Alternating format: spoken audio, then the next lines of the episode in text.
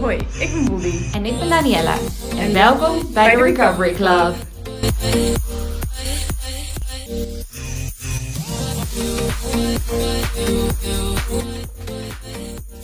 Hallo allemaal, welkom bij een nieuwe aflevering van de Recovery Club. Uh, ik zit momenteel in Frankrijk en Bobby zit in Nederland. Dus we doen dit voor de allereerste keer vanaf afstand. Dus we gaan kijken hoe dit is qua geluid. En we hopen dat het allemaal goed gaat voor jullie. Uh, maar hoe is het met jou, Bobby? Ik heb je echt al zo lang niet gesproken. Ik ben zo benieuwd hoe het met je gaat. Ja, inderdaad. We hebben elkaar echt, echt lang niet meer gesproken. Um, maar het gaat eigenlijk ja. wel goed. Ik heb vandaag echt een hele fijne dag. En dat is wel uh, fijn, want de afgelopen week voelde ik me niet zo heel top. Dus het was echt heel fijn om vanmorgen te merken van, oh, ja, ik voel me echt, echt weer gewoon goed. Um, dus dat was eigenlijk wel fijn, ja. Heb jij überhaupt nog wat met Koningsdag gedaan? Ik ben zo benieuwd, al die beelden die ik voorbij zag komen. Ik dacht echt, oh mijn god, ben ik blij dat ik niet in Amsterdam ben. Maar ja, heb jij nog wat gedaan? Uh, nee, ik moest werken en dat vond ik stiekem eigenlijk helemaal niet zo erg. En ik werk ook in een Italiaans restaurant, um, dus ook niet echt de plek waar nou echt hordes uh, dronken jongeren komen, zeg maar.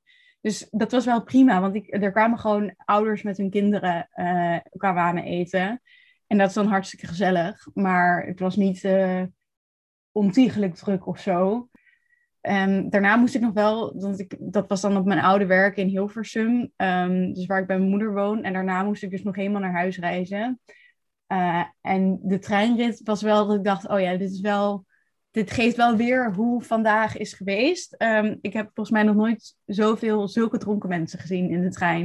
Het was echt een uh, beleving, zeg maar. Op een gegeven moment moest ook echt de eerste hulp nog komen in de trein. Toen dacht ik echt, oh my god arme persoon die dat is, dat voor jou de eerste hulp moet komen. Maar ja, die weet er waarschijnlijk morgen toch niks meer van. Maar uh, het is volgens mij hard aan toegegaan in Nederland, inderdaad. Ja, nou, dat is niet normaal. De beelden die ik zag en wat ik van vrienden en van collega's uh, en van cliënten, nou, van iedereen ongeveer hoorde, het was echt.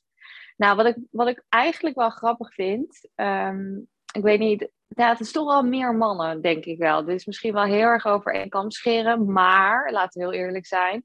Als je nou kijkt naar een groep mensen en als er, laten we zeggen, 50-50 man-vrouw, mannen krijgen een soort van animalistic iets over zich. Dat ze denken, ik ga me helemaal kapot zuipen. Um, en dat, helemaal into a blackout en dat ik gewoon niks meer weet. Nou, dat heb ik dus echt niet gemist aan Koningsdag. Want voor degene, nou iedereen weet het inmiddels wel, ik woon in het midden, in het centrum van Amsterdam, in de Jordaan, op een woonboot. Dus je hebt aan alle kanten dan geluid. En dat is leuk, maar niet 15 jaar. En ik heb het 15 jaar meegemaakt. Dus ik vind het heerlijk om nu in Frankrijk hier te zitten. En uh, wat betreft mijn dag slash week kun nou ja, ik ben dus positief getest op corona op Koningsdag, of all days. Maar goed, ik zat hier. En ik heb, uh, ik, misschien hoort iemand het nog aan mijn stem, maar ik ben nog best wel verkouden. Maar ik, wat dat er gaat, heb ik echt zo gehad. Want ik dacht, oh jee, de ziekte van Lyme en dan ook nog eens een keer corona. Ik weet niet of het lekker samen gaat. Um, maar ik denk dat dat driedubbel vaccineren toch echt wel zijn werking heeft gedaan bij mij in ieder geval. Want het enige wat ik heb gehad is ja, een verkoudheid, wat ik nog steeds heb, een beetje hoesten, met name heel vermoeid, hoofdpijn. Ja, en dat was het wel een beetje. Ja, en heel misselijk. Dat, ik moet zeggen, dat is een van de uh, weinige dingen die ik niet zag aankomen, de misselijkheid. Want jij, jij hebt ook corona gehad, toch, Bobby?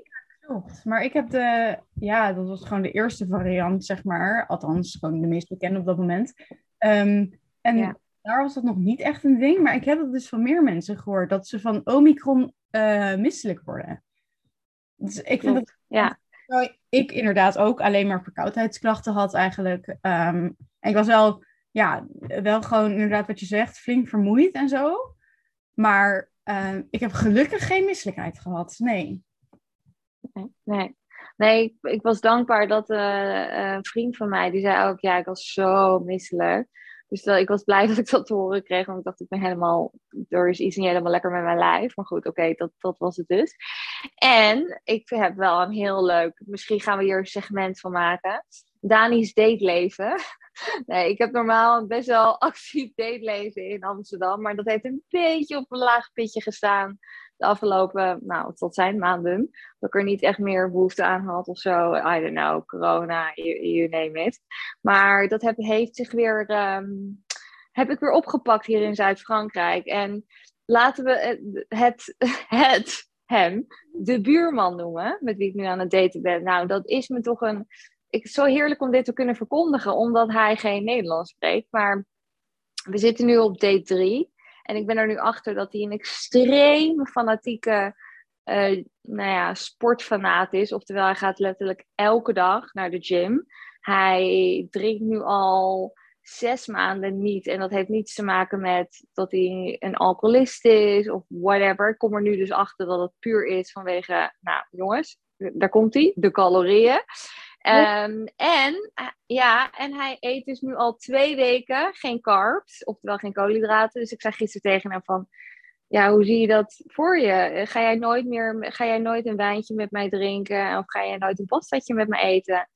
Toen zei hij, nou ja, deed hij heel gek over, heel twijfelachtig. En toen dacht ik, ja, wil ik dit wel voortzetten? Kom op. Het hele leuke aan date is gezellig wijntjes doen, kaasplankje hier, burgertje klappen als je dronken bent, weet je wel. En ja, ik weet niet, ik vind het, ik vind het wel echt een beetje een dingetje hoor. Oh, snap ik. Ik zou dat echt heel moeilijk vinden, denk ik. Ja, weet, je, het is echt niet het hele leven, maar het is gewoon ook een sociaal ding. En ik zou het heel moeilijk vinden, denk ik, om altijd met iemand dan uit te gaan die gewoon, ja, geen carbs. Kijk, ik drink zelf ook niet, maar ja, ik weet, ik weet niet. Ik zou het moeilijk vinden. Nou ja, wat, wat mij met name, um, wat ik er moeilijk aan vind, niet zozeer dat het me triggert, omdat, nou ja, dat, dat doet het het al lang niet meer. Ik denk, ja, sorry for you. We zaten laatst een koffietje te doen ergens.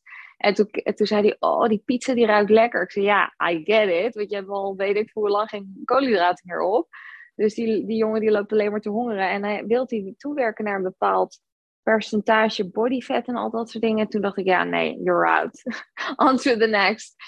Dan denk ik, voor wie doe je het? Het is toch een enorme, ja, voor mij persoonlijk een enorme afknapper. Maar goed, dat was, ik, ik noem hem de buurman, want we hebben wel op zich nog een date gepland. Dus uh, to be continued. Te kijken of die voor volgende podcast ook uh, in de aflevering uh, terugkomt. Want hij is wel heel lief en heel gezellig. Dus dan denk ik, jeetje, wat jammer. Ik weet nou niet of dit een fase is of dat dit echt een, uh, een probleem is. Want het klinkt in mijn oren vrij eetgestoord, toch? Ja, ik vind het wel vrij eetgestoord. Maar goed, het is inderdaad altijd de vraag van waarom doet iemand het? En als iemand het gewoon doet omdat ze het leuk vinden en over een tijdje dan kunnen ze het loslaten, dan is het inderdaad prima. Um, en ja, maar ja, ik zou het gewoon. Het lijkt me zo. Um, ja, het lijkt me toch een beetje lastig om dan. Het, het, het belemmert zo de spontaniteit of zo. En de vrijheid. Nou, dat is, en dat is het. Ja, precies dat. Dat is het. En inderdaad gewoon de gezelligheid. Want laten we heel eerlijk zijn, het is wel gezellig om samen um, een pizzatje te eten. Of een, nou ja, weet je, kijk, een wijntje te drinken. Heel veel mensen drinken inderdaad gewoon niet. Nou, dat is prima. Hij vond het ook niet erg dat ik wel dronk. Maar neem dan ook iets wat lekker is. Hij zit letterlijk alleen maar aan de spa rood. Ja, dit is misschien super triggerend voor mensen. Maar deze jongen heeft misschien ook wel een eetstoornis. En ik heb het er ook trouwens ook wel een heel gaaf thema om het een keer over te hebben. Want zijn broer die heeft bigorexia. Oftewel, die heeft het tegenovergestelde van wat uh, anorexia eigenlijk is. Dat als je in de spiegel kijkt, dat hij zichzelf niet groot genoeg vindt. Dus die gaat ook alleen maar naar de sportschool om zichzelf, nou ja, hè, groter te doen lijken uh, of te maken, meer spiermassa aan te maken. Dus ja, I would say the apple doesn't fall far from the tree. Dus het zou me niks verbazen als hij dus ook een, uh, een eetstoornis heeft. Dus die heb ik weer te pakken. Wat een feest. Helemaal gezond klinkt het in ieder geval niet. Nee. Nee. Maar goed, to, to be continued voor volgende week. Ehm, ik laat jullie allemaal weten of het uh, op de buurman, want het is mijn buurman ongeveer, of dat uh, nog uh, een follow-up date gaat hebben. Ja. Maar we gaan het vandaag hebben over sneaky eetregels die je eetstoornis in stand houden. En ik denk dat de reden waarom we dit onderwerp ook hebben gekozen is omdat de maatschappij helaas uh, normaliseert heel veel van dit soort eetregels. En ook weer helaas, kijk nu naar, naar mijn date onder andere. Hij vindt het een soort van badge of honor dat hij nu al twee weken geen koolhydraten eet. Of dat hij, kijk, hem eens cool zijn en niet drinken. En dat zijn best wel, nou ja, kleine voorbeelden. Er zijn natuurlijk zat mensen die zeggen, oh, ik heb de hele dag weet ik veel niet, geluncht om te uit eten te kunnen gaan. Of ik doe dit dieet of dat dieet. En um, nou ja, het, het gaat er ons om dat die eetregels die jullie misschien nog hebben momenteel. En die ik sterker nog ook heel lang heb behouden onder het mom van, nou ja, this is for life. Hier kan ik best wel mee leven. Spoiler, that, that doesn't work. Um, ik vind het, nou ja, daarom willen we het eigenlijk hierover hebben. Uh, en wat die eetregels dan zijn. En wa waarom jij ze in die stand kan houden. En dat is omdat jij natuurlijk een verslaafde bent van restrictie. Dus ik vroeg me af of jij nog bepaalde eetregels momenteel aan het behouden bent. Of heel lang hebt behouden onder het mond van, nou, hier kan ik wel mee leven.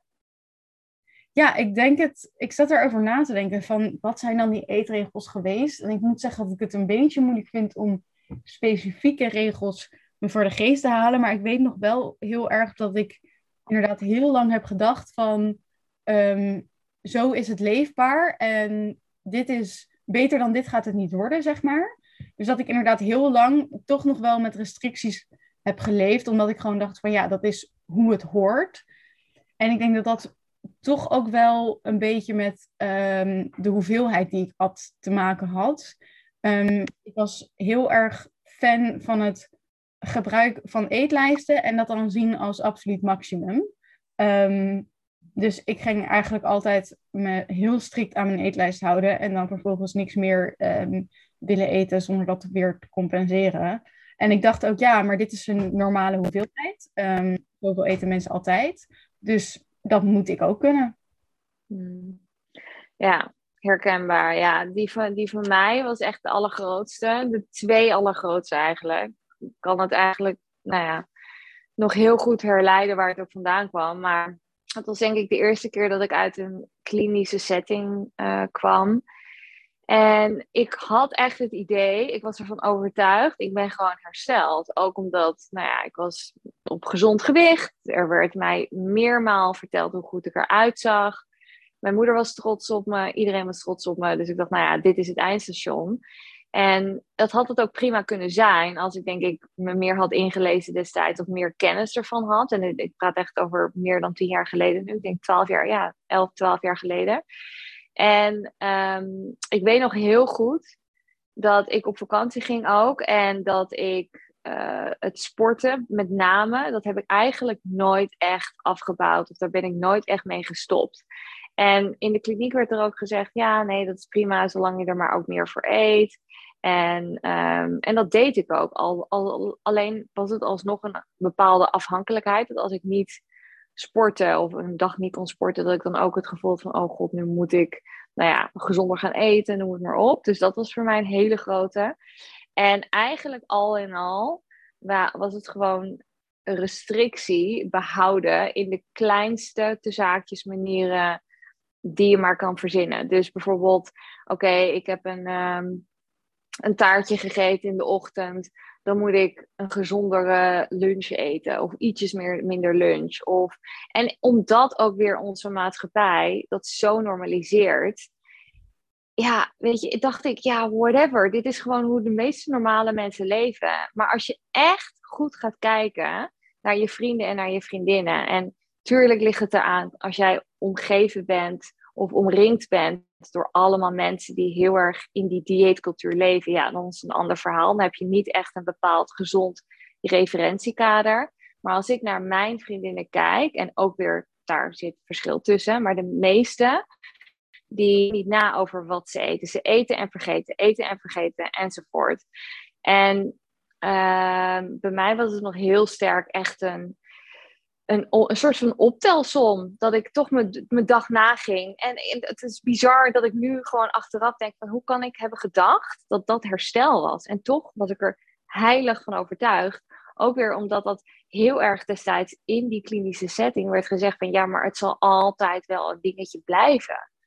Maar achteraf gezien waren, nou ja, ik kan wel een hele lijst van eetregels verzinnen die ik nog behield. Klopt, dat is heel herkenbaar inderdaad. Ook dat, dat optelsommetje, dat wat ik ging eten was altijd afhankelijk van wat ik daarvoor al had gegeten. En ik ging er inderdaad van uit dat iedereen er zo bewust mee bezig was met het plannen van wat eet ik en dat je dat af liet hangen. Niet van waar je zin in had, maar van wat je al gegeten had. Ja, dat herken ik ja. wel erg. Ja, en was het bij, bij jou ook met bewegen of ben je daar echt heel bewust mee gestopt en heb je er echt aan gewerkt? Um, ik heb er wel echt aan gewerkt, maar ik ging er inderdaad wel. Ik was er heel lang van overtuigd, maar ik weet niet of dat heel subtiel was, maar um, dat het heel normaal was om een um, x aantal minuten op een dag te bewegen. En dat het ook normaal was om dat altijd te doen en op ieder gewicht. En daar heb ik op een gegeven moment wel ook van therapeuten en van de diëtist van teruggekregen van ja, maar dit, dat is niet zo. Ten eerste, je beweegt dan al meer dan de gemiddelde Nederlander doet. En ten tweede, um, het is ook niet zo dat je iedere dag zoveel moet bewegen en sporten, zeg maar. Waar ik er wel heel erg van uitging. Maar dat was nog wel... Ja, ja. ja ik vind het moeilijk om te, om te zeggen van was ik toen... Ik denk dat ik wel dacht dat ik verder herstel daadwerkelijk was. Maar tijdens mijn herstel wist ik wel van oké, okay, um, dat sporten, dat is niet zeg maar. Ja. Nou ja, het ding is, is dat al die open deurtjes die je behoudt, het, nogmaals, het voelt misschien heel onschuldig. En dat is ook wat je eetstoornis natuurlijk continu aan het vertellen is. Van ja, maar dit is prima, dit is oké, mijn moeder doet dit. Ik heb bijvoorbeeld nu heb ik een, uh, een cliënt ook um, uit het buitenland zoals gewoonlijk, want de meeste cliënten komen uit het buitenland. Maar zij uh, heeft ook een moeder die, dat heb ik nog nooit eerder gehoord. Haar ouders die eten maar één of twee keer op een dag. En ik, had, ik moest er echt meerdere keren naar vragen van, hè, maar hoe werkt dat dan? Is dat een cultuurdingetje? Want ze zei, nee, dat is gewoon, ja, hoe ik ben opgevoed. En achteraf gezien, ik ben zelf ook opgevoed op een onbewust orthorectische manier. Met heel veel waardeoordelen uh, over voedsel en heel veel waardeoordelen ook over sporten. Sport is heel belangrijk. Je moet het meerdere malen doen. En weet je, het is echt, als het met de paplepel ingegoten wordt, no pun intended, dan is het heel moeilijk om een eigen identiteit daarin te creëren het leven hier in Frankrijk, of in Zuid-Frankrijk, um, bestaat echt letterlijk uit uh, croissants, baguettes, pasta, pizza, uitgebreid lunchen met wijn, kaasplankjes, verzin het maar. En um, een eetregel zou kunnen zijn, en toevallig zat ik hier laatst aan te denken, omdat ik dit gesprek letterlijk heb gevoerd ook met, uh, met iemand, is dat ik ben gewend, als ik hier ben, om croissantjes eigenlijk nou ja, minimaal één per dag te eten. En dat is dan niet een maaltijd. Dat is vaak gewoon een tussendoortje of gewoon even on the go. Als ik al heb ontbeten en ik denk, oh, lekkere patisserie. Ik heb zoiets van, ik wil alle croissantjes uitproberen. Nou, dan neem ik er even één. En dat vroeger was dat echt een eetregel was dan. Van oké, nou ja, zo'n croissantje. Dat moet dan echt een eetmoment zijn. En nu is het gewoon een, een beetje wel tussendoor iets. Uh, niet, het is niet eens een tussendoortje, maar het gewoon tussen de bedrijven door even eten. Een eetregel kan zijn inderdaad van oké, ja, maar dat moet helemaal ingepland zijn. En dat mag alleen maar in de middag, want in de ochtend mag ik dat niet. La di la di la. Dat zijn van die eetregels die ik vroeger, nou ja, oneindig veel had. Uh, en dat heb ik al lang niet meer. Maar dat is, dat zou, dat is een voorbeeld. Ja, ja, en inderdaad wat je zegt van um, ook dat mag dan alleen maar in de ochtend en niet in de middag. Dat is ook wel iets wat ik echt heel lang moeilijk heb gevonden. Het feit dat we dan um, bijvoorbeeld warm voor de middag zouden eten. Nou, dat is echt, echt no-go. En restje avondeten als middageten, nee, dat kon niet, want dat was gewoon puur voor het avondeten. En ik wist wel dat het niet uitmaakte voor mijn lichaam. Maar toch vond ik dat heel lastig en probeerde ik daar een soort van controle over door mee te houden. En dat de diëtist ook op een gegeven moment zei van ja, maar dat, ja, dat is ook helemaal niet zo gek. En dat is prima. Ehm, wat natuurlijk ook op zich klopt, waren het niet dat ik gewoon best wel vaak smiddags gewoon zin had in pasta of een restje avondeten of zo. Maar dat mocht ik dan dus niet van mezelf. En niemand die er, uh, die er twee keer over nadenkt, of no one who bats an eye. Maar dat betekent natuurlijk nog niet dat het gezond is voor jouzelf. En voor mij was het dat dus bijvoorbeeld zeker niet. Ja. ja, en ik kan me voorstellen dat iemand die hier naar luistert denkt, ja, maar dat is toch zo oneerlijk. Waarom mag ik dat dan niet en mijn moeder of mijn zusje of mijn vriendin dan wel? Ja, het is hetzelfde verhaal. Dat, waarom mag iemand die, of kan iemand die gewoon een normale relatie heeft met alcohol, een wijntje hier en daar drinken en niet helemaal doorslaan en een alcoholist wel? Bij ons is het gewoon genetisch bepaald dat als wij bepaalde regels opleggen in de veronderstelling oh ja, maar dit kan ik voor de rest van mijn leven doen. Dat gaat nooit goed. Want één regel worden twee regels. Twee regels worden drie regels. Drie regels worden vier, enzovoort, enzovoort. En voordat je het weet heb je weer een, een, een lab met regels. En waar we het ook al eerder over hebben gehad. Niemand denkt, goh, laat ik eens vandaag een eetstoornis ontwikkelen. Want dat is zo gezellig. Dat is zo ontzettend feest. Nee, natuurlijk niet. Het begint vaak met heel rigide zijn. Of misschien een klein beetje rigide zijn. En dat wordt op een gegeven moment zo erg dat je weet dat je eruit wil komen. En je wilt het ook, alleen je weet niet meer hoe. En het lukt je niet meer. En dat is het verschil tussen iemand die misschien af en toe een eetregel heeft. Um, en misschien een waardeoordeel over producten en over voeding. Maar die geen echt full-blown eating disorder heeft. Ja, zeker. Het is gewoon ja, misschien is het dan ook gewoon maar oneerlijk verdeeld in de wereld af en toe. Maar uiteindelijk is het veel belangrijker dat je ehm, misschien hier en daar de regel hebt van ik mag geen eetregel hebben, maar daarmee wel echt hersteld bent van je, van je eetstoornis. Dan dat je wel af en toe mag zeggen van nou, dit eet ik wel en dit eet ik niet en dit eet ik alleen maar om deze tijd. Um, maar daarmee ook gelijk gewoon meteen terugvalt in je eetstoornis. En dat is gewoon wel wat de realiteit is, inderdaad, wat jij zegt. Van één regel worden er twee, twee worden er drie. En voor je het weet, uh, ben je weer mijlenver in je eetstoornis. Ja. Daarbij... en ik ben...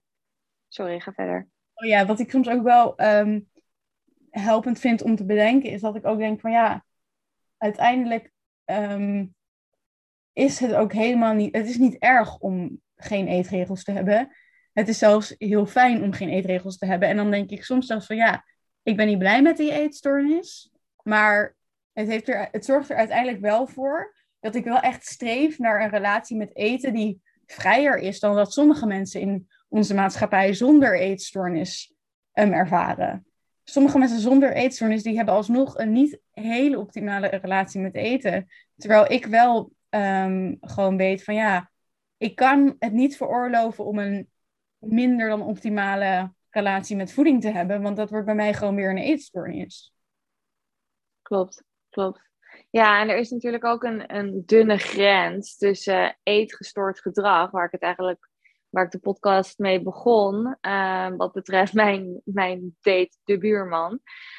Ja, weet je, voor hetzelfde geld heeft hij een eetstoornis en is zwaar in ontkenning. En dat was ik ook heel lang. Ik dacht, ja, nee joh, ik doe gewoon wat iedereen doet. Ik sport heel veel en ik eet heel gezond, daar is toch niks mis mee. Alleen, ja, bij mij is het gewoon misgegaan, zoals bij heel veel andere mensen. En wat jij zegt, mijn ultieme doel uiteindelijk is geweest: oké, ehm, ik hoe dan ook, ik wil een zo eigenlijk, ik wil een hele neutrale relatie krijgen met voeding uh, en ook met mijn lijf. Want dat is natuurlijk ook iets, hè? Dat, je, dat je ook niet zoveel belang wilt hechten aan hoe ziet mijn lijf eruit. Maar, want dat gaat natuurlijk een beetje samen.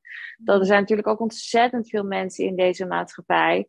Ook weer, Jezus, de buurman. Ik moet echt ik moet het afkappen met deze gast. maar weet je, hij heeft, hangt heel veel waarde aan hoe hij duidelijk eruit ziet. En hoeveel um, body fat percentage hij heeft. Nou ja, sorry, uh, weer platweg gezegd, who gives a shit? Niemand, niemand gaat naar hem wijzen en zeggen, oh ja, jij hebt zoveel procent body fat. Ik bedoel, niemand, niemand weet gewicht. Sterker nog, ik weet het zelf niet eens. Dus um, het, het, en, en daar gaat het leven ook niet om. Het, het, is, het leven is zoveel mooier zonder al die bullshit regels. En het houdt je leven zo ontzettend klein. Dus ja, en ik denk eigenlijk dat we, we kunnen niet heel erg inhoudelijk ingaan op alle eetregels. Want nogmaals, er zijn er zo verschrikkelijk veel. Ik denk dat je bij jezelf moet nagaan als je dit luistert en je weet, nou ja, hoogstwaarschijnlijk als je dit luistert, heb je een eetstoornis of misschien een verstoorde relatie met eten. Om voor jezelf na te gaan. Wat ik altijd eigenlijk als opdracht meegeef, ook aan cliënten. Maak een lijst van ochtends tot echt totdat je naar bed gaat. Van welke dingen je allemaal doet. Um, rondom eten, bewegen, drinken, you name it. Eigenlijk de hele dag door. En dan kan je heel duidelijk in een overzicht zien welke dingen uiteindelijk waarschijnlijk best wel, um, nou ja, gewoon eetregels zijn. Want heel vaak hebben we het niet eens door, omdat het zo ingrained is. Die paden zijn zo erg hè, vastgelegd in je, in je hersenen. En uh, het is heel belangrijk om er met een afstandje naar te kunnen kijken. Dus dat raad ik je nu aan als je aan het luisteren bent en denkt, ja, heb ik eigenlijk wel eetregels? En zo ja, hoeveel heb ik er en wat wil ik eraan doen? Nou ja, Bobby en ik weet het antwoord weet je eigenlijk al. Als je van een eetregel af wil, opposite actions. Heel simpel. Dus het tegenovergestelde doen van wat je eetstoornis wilt. En als je niet zeker weet of iets een eetregel is, of omdat je er, weet ik veel, gewoon mee bent opgegroeid. Als jij weerstand voelt, ga die weerstand aan. Zoek die weerstand op. En ga dat vervolgens uitzitten door middel van nou ja, afleiding. Maar dat is echt de enige manier hoe je er vanaf komt. Ja, absoluut. En ook wat ik als, van mijn diëtist ooit meekreeg, als, toen ik ook die eetregels moest opschrijven. Ze zei van, ehm, het is voor jou waarschijnlijk ook heel normaal. Dus je denkt er niet eens over na dat het misschien een eetregel is of dat het een ongezonde eetregel is. Maar ga eens na um, of je moeder of je zusje of een vriendin dit ook zou doen. En nou als je nou zelf zoiets hebt van ja, maar mijn moeder of mijn zusje of vriendin van mij heeft ook helemaal geen goede relatie met eten. Ga dan na of iemand met, die echt volledig intuïtief zou eten en gewoon wel een hele gezonde relatie heeft, of die dat ook zou vinden en zou doen. En als het antwoord nee is, dan is het waarschijnlijk een eetregel, zeg maar. Um, en inderdaad, ga hem dan uitdagen via opposite actions om ervan af te komen. Zelfs als je denkt van ja, maar dit doet X en Y doen dit ook. Um, want jij bent uiteindelijk degene die verantwoordelijk is voor jouw eigen herstel. En of Pietje of Beb dat uh, dezelfde, op dezelfde manier doet of niet, dat maakt voor je eigen herstel niets uit. Jij moet die regels gaan challengen. Precies, ja. Ja, en als laatste wat ik nog wil toevoegen is dat twee dingen. A, de maatschappij vindt heel veel van bepaalde dingen, maar dat betekent nog niet dat het de waarheid is. En al zou het de waarheid zijn, nogmaals, jij bent een verslaafde uh, jij bent verslaafd aan restrictie. Je moet, gewoon, je moet jezelf echt zien als, en ik vond het altijd een beetje heftig om te zeggen, ook over mezelf, van ik ben een ex-verslaafde, maar dat ben ik gewoon. Ik ben een ex-verslaafde aan restrictie. Ik ben een ex-verslaafde aan uh, nou ja, sporten, bewegen, noem het maar op. Dus dat, dat is heel belangrijk om te weten, dat de maatschappij zal oneindig dieetcultuurachtige dingen hè, tegen je aan gooien en, en, en nou ja, see if it sticks. Dus daar moet je echt een soort van uh, schild in zien te creëren. Om daar echt, nou ja, om dat te gaan negeren. En B. Nou, als iemand je wankel wil maken in jouw eigen herstel, omdat zij een bepaalde mening hebben over bepaalde producten, bepaald eetgedrag, noem het maar op. Volg dan echt je eigen pad. Blijf je eigen herstelpad volgen en weten waar je het voor doet. En zij mogen vinden wat ze willen, maar dat zegt nog niet dat dat de waarheid is. Dus probeer dat heel erg op die manier te zien. En ook weer, ik blijf het zeggen, ik heb het nu al 15 keer gezegd in deze aflevering, is dat je bent een ex-verslaafde. Ik had letterlijk laatst een discussie met mijn vader hierover. Want mijn vader is echt de poster child of, uh, nou ja, orthorexia slash dieetcultuur. En Um, ik heb volgens mij dit wel eens vaker verteld, maar die, nou ja, die, die man is echt onverbeterlijk. Maar goed, hij is nu dik, in, dik in de 60. Ik, ik ga hem ook niet meer proberen te verbeteren. Maar ik had laatst een discussie met hem dat ik zei dus van ja, voor mij was het heel belangrijk om heel erg veel bewerkt voedsel tijdens mijn herstel te eten. En ik vertelde hem de fysiologische redenen waarom dat belangrijk is. Omdat je het lijf minder te verteren dan heeft. En het heeft dan een prioriteit. Nou, bla bla. Heel verhaal. Nou, hij was het er totaal niet mee eens. En want het moest eigenlijk op een gezonde manier. Eigenlijk vertelde hij wat heel veel, helaas, eetstoornis um, cliënten, maar heel veel mensen met een eetstoornis ook dachten. En toen dacht ik, wow, als ik nu nog een actieve eetstoornis zou hebben. En ik zou dus tegen hem heel trots zeggen van, pap, kijk mij eens even vijf donuts eten, want mijn lichaam heeft er zin in. Dan zou hij dus daar een mening over hebben. En het is zo, ik snap hoe moeilijk dat is om dan niet weer wankel in je herstel te, te mhm. raken. Maar man, man, man, wat is dat belangrijk. Maar goed, ik wilde deze anekdote even delen. Dat ik snap het heel goed dat het, dat het af en toe moeilijk is in deze maatschappij, deze cultuur waarin we leven. Ja, het is gewoon niet de meest makkelijke omgeving om uh, in te herstellen. Maar tegelijkertijd is het wel, het maakt je wel heel sterk. Ook in je herstel, denk ik. Doordat je er zo mee geconfronteerd wordt, als je het echt aangaat, dan ehm, is het wel mogelijk om te overwinnen, zeg maar.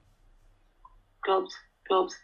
Ja, en echt, echt als allerlaatste vanuit mij dan. Um, ik raad je dus wel aan, en dat is wel, wel heel grappig, want wat ik al zei, de buurman die is extreem dieet obsessed. En um, nou ja, hij heeft een enorme mening over bepaalde producten blijkbaar. Maar ik zeg altijd, omring jezelf met mensen die ook hetzelfde, zoveel mogelijk althans, over denken. En natuurlijk, je hebt niet altijd een keuze, want familie kies je niet, die krijg je. Dus als je familieleden hebt die vol in de dieetcultuur zitten, probeer dat enigszins toch, ja, eh, eh, nou ja, je daarvoor af te sluiten. Maar ja, probeer zoveel mogelijk mensen om je heen te verzamelen die ook gewoon eten zien voor wat het is. En dat is ook soms gewoon pure enjoyment. En that's it. Exact. Ja, dat vind ik ook altijd wel hielp mij heel erg om um, vrienden te hebben die inderdaad wel een gezonde relatie hadden met eten. En dan gewoon te zien met hoeveel nonchalance zij eigenlijk zij dat gewoon aten. En om, omdat ik zelf soms gewoon niet meer wist van wat is nou normaal en wat is nou gezond. En dat zie je dan ook met die eetregels die je toch sneaky blijft hebben en in de maatschappij. En dan toch had ik vrienden die dat niet hadden. En dat hielp me zo erg. is inderdaad heel fijn. Ja ik kan me echt ook niet voorstellen dat je een relatie zou hebben met iemand die dus ontzettend veel eetregels heeft. Als jij zelf nog een eetstoornis hebt, laat staan als je hersteld bent. Um, en dan nog steeds, ja, ik, nou, ik kan me gewoon niet voorstellen. Ik kan me gewoon niet voorstellen. Nee, het lijkt me heel lastig inderdaad. Ja. Nou ja, ik denk dat dat um, de afsluiter alweer is. Want dit is een, een thema waarin we nogmaals niet heel erg um, op de inhoud in kunnen gaan. In de zin van hoeveel eetregels er wel niet zijn. Maar we raden jullie wel aan om voor jezelf na te gaan hoeveel je er hebt. En uh, of je er vanaf wilt, ja of nee. En als het antwoord ja is, nou ja, lekker gaan werken eraan vooral. Um, ik had nog wel een vraag op Instagram gekregen. We plaatsen elke week voor de podcast een vraagsticker op onze Instagram-account. De Club.podcast. En daar kunnen jullie lekker je vragen rondom herstel stellen. En elke week gaan we in een aflevering uh, één of twee vragen beantwoorden. Ik kreeg de vraag, al een paar keer eigenlijk. Wat zijn de grootste fouten die jullie zien bij andere mensen in herstel? Um, nou ja, ik wilde al vooropgesteld even zeggen dat niets is fout. Je moet, het herstel is niet, wat dat er gaat, super zwart-wit. Dus er is ook best wel een grijs gebied. Iedereen heeft een eigen manier van herstellen. Dus dat is heel erg geïndividueel. In, jeetje. Dit is heel erg individueel, moeilijk woord. Um, maar wat voor mij, uh, wat ik heel erg veel voorbij zie komen, is dat mensen vaak te vroeg weer gaan sporten. Of eigenlijk nooit, nooit hebben, zijn gestopt. Zoals ik dat ook heb gedaan, helaas. En um, ja, ook weer inderdaad eigenlijk heel veel eetregels behouden onder het mom van, nou ja, dit zal toch wel een dingetje zijn voor altijd. En helaas wordt dat soms ook beaamd. Maar dat is eigenlijk een van de, nou ja, de zaakjes grootste fouten die ik uh, zie bij andere mensen in herstel. Ja, ik denk dat ik daar eigenlijk niet echt iets op aan te merken heb. Ehm, ik denk dat ehm, een beetje het, zeg maar, het orthorectische opzoeken in herstel, dat dat is wat ik voornamelijk veel zie. Mensen die ehm, ja, claimen hersteld te zijn, maar wel alleen maar uh, gezonde, tussen aanhalingstekens, producten eten. En ja, ik kan natuurlijk niet beoordelen of zij wel of niet hersteld zijn, maar dat vind ik altijd wel. Um, ja, dat, ik hoop altijd dat ze, dat ze echt zo'n vrije relatie met, tot voeding hebben als dat ze het doen voorkomen. Maar ik denk dat dat heel erg een beetje een risico is dat je neemt als je in herstel gaat en uh, gewoon heel gezond gaat eten, heel veel gaat sporten. Als je die focus verlegt van het, van het afvallen naar het uh, gespierd worden, zeg maar. Als je dat meteen in het begin van herstel al doet. Ja, dat, is, um, er is natuurlijk inderdaad niet echt een goed of een fout. Um, maar dat vind ik wel altijd uh, ja, spannend als mensen dat doen, om het maar even zo te zeggen. Ja, klopt. Ja, en als laatste eigenlijk waar ik in één keer wat me te binnen schoot, is dat. Um, en dat is niet omdat ik zelf coach, maar ik weet wel dat als ik destijds toen ik, toen ik ging herstellen, ik heb het uiteindelijk alleen gedaan. Met, nou, dat is niet helemaal waar. Mijn moeder, die was. Ik weet niet of, of het me was gelukt zonder mijn moeder, om heel eerlijk te zijn. Mijn moeder was echt mijn alles. En dat is ze nog steeds. Mm. Ze was super supportive. En ondanks dat ze af en toe wel de, de angst had van: oh god, wordt dit een eetbijstoornis of wat dan ook. Omdat ik best wel veel um, at. Wat ik al vaker heb benoemd. Maar um, ja, weet je, heel veel mensen hebben de neiging om niet te investeren in zichzelf. Ook weer een beetje vanwege de scarcity mindset. Van oh ja, ik mag geen geld uitgeven aan mezelf, want ik ben het niet waard. Maar al is het een cursus van uh, eh, 35 euro of, of 30 euro of, of coaching of therapie. Ik heb zelf momenteel ook geld uitgegeven aan een, um, een coaching traject voor mezelf. Over op andere vlakken in mijn leven. En dat heeft een behoorlijke, nou ja, heeft behoorlijk wat gekost. En er is altijd al dat stemmetje, ook, ook bij mij, laten we iedereen heeft dat wel van ja, zal ik dit wel doen? Is het wel een goede investering? Maar als het gaat om je herstel, weet je, probeer daar echt ook uh, goed in na te gaan. Van hè, wat ook weer wat bij je past. Een beetje wat ook waar we het in de vorige aflevering over hebben gehad. Maar probeer daar ook niet um, te, ja, te erg op te beknibbelen, zeg maar dat is uh, ja, wat ik ook als tip zou meegeven. Ja, inderdaad. Um, investeer erin wat je, wat je kwijt kan eigenlijk. Precies. Eigenlijk zou, zou mijn advies zijn, investeer er zoveel mogelijk in. En uh, tuurlijk is het een feit dat sommige mensen niet heel veel geld hebben om te besteden eraan. Um, maar probeer met de middelen die je hebt, dat toch wel te doen. En dat gaat inderdaad om therapie, maar ik denk dat het bijvoorbeeld ook gaat om het, uh, dingen als uit eten gaan, een koffietje buiten de deur doen, dus dingen bestellen. Um, als je die mogelijkheid hebt, doe dat dan. En als je die mogelijkheid niet hebt, um, financieel, dan is het inderdaad lastiger. Dan kan je misschien vragen of andere mensen iets voor je willen kopen. Maar inderdaad, het, het investeren in je eigen herstel, ook financieel, uh, is wel een hele belangrijke ja, ja. Ja, en inderdaad, als je het financieel niet uh, kan, aan kan, wat inderdaad heel logisch is, dan is er gelukkig tegenwoordig zoveel gratis content available op YouTube. Er zijn op, nou op Instagram, heel veel Instagram-accounts zijn natuurlijk echt fantastisch. Er komen er steeds meer fantastische meiden bij en jongens en alles ertussenin. Dus wat dat gaat, uh, zijn er ook heel veel uh, gratis resources oftewel bronnen out there. Maar uh, ja, investeer wanneer dat kan en wanneer dat niet kan, probeer dan de gratis variant te vinden. Maar dat was het denk ik wel voor deze week, toch? Ja, ik denk het ook. Oké, nou jongens, dankjewel voor het luisteren. En vergeet niet um, een review achter te laten. Nou ja, dat trouwens, volgens mij heeft niemand dat nog gedaan. Maar als je dat oh. zou willen doen, heel graag vijf sterren, de hele Big Mac of één ster, hè, als je het helemaal niks vindt. Dat zouden we hartstikke leuk vinden. Laat ons ook even weten in onze DM's wat je ervan vindt op recoveryclub.podcast. Je kan ons daar ook volgen, vragen stellen.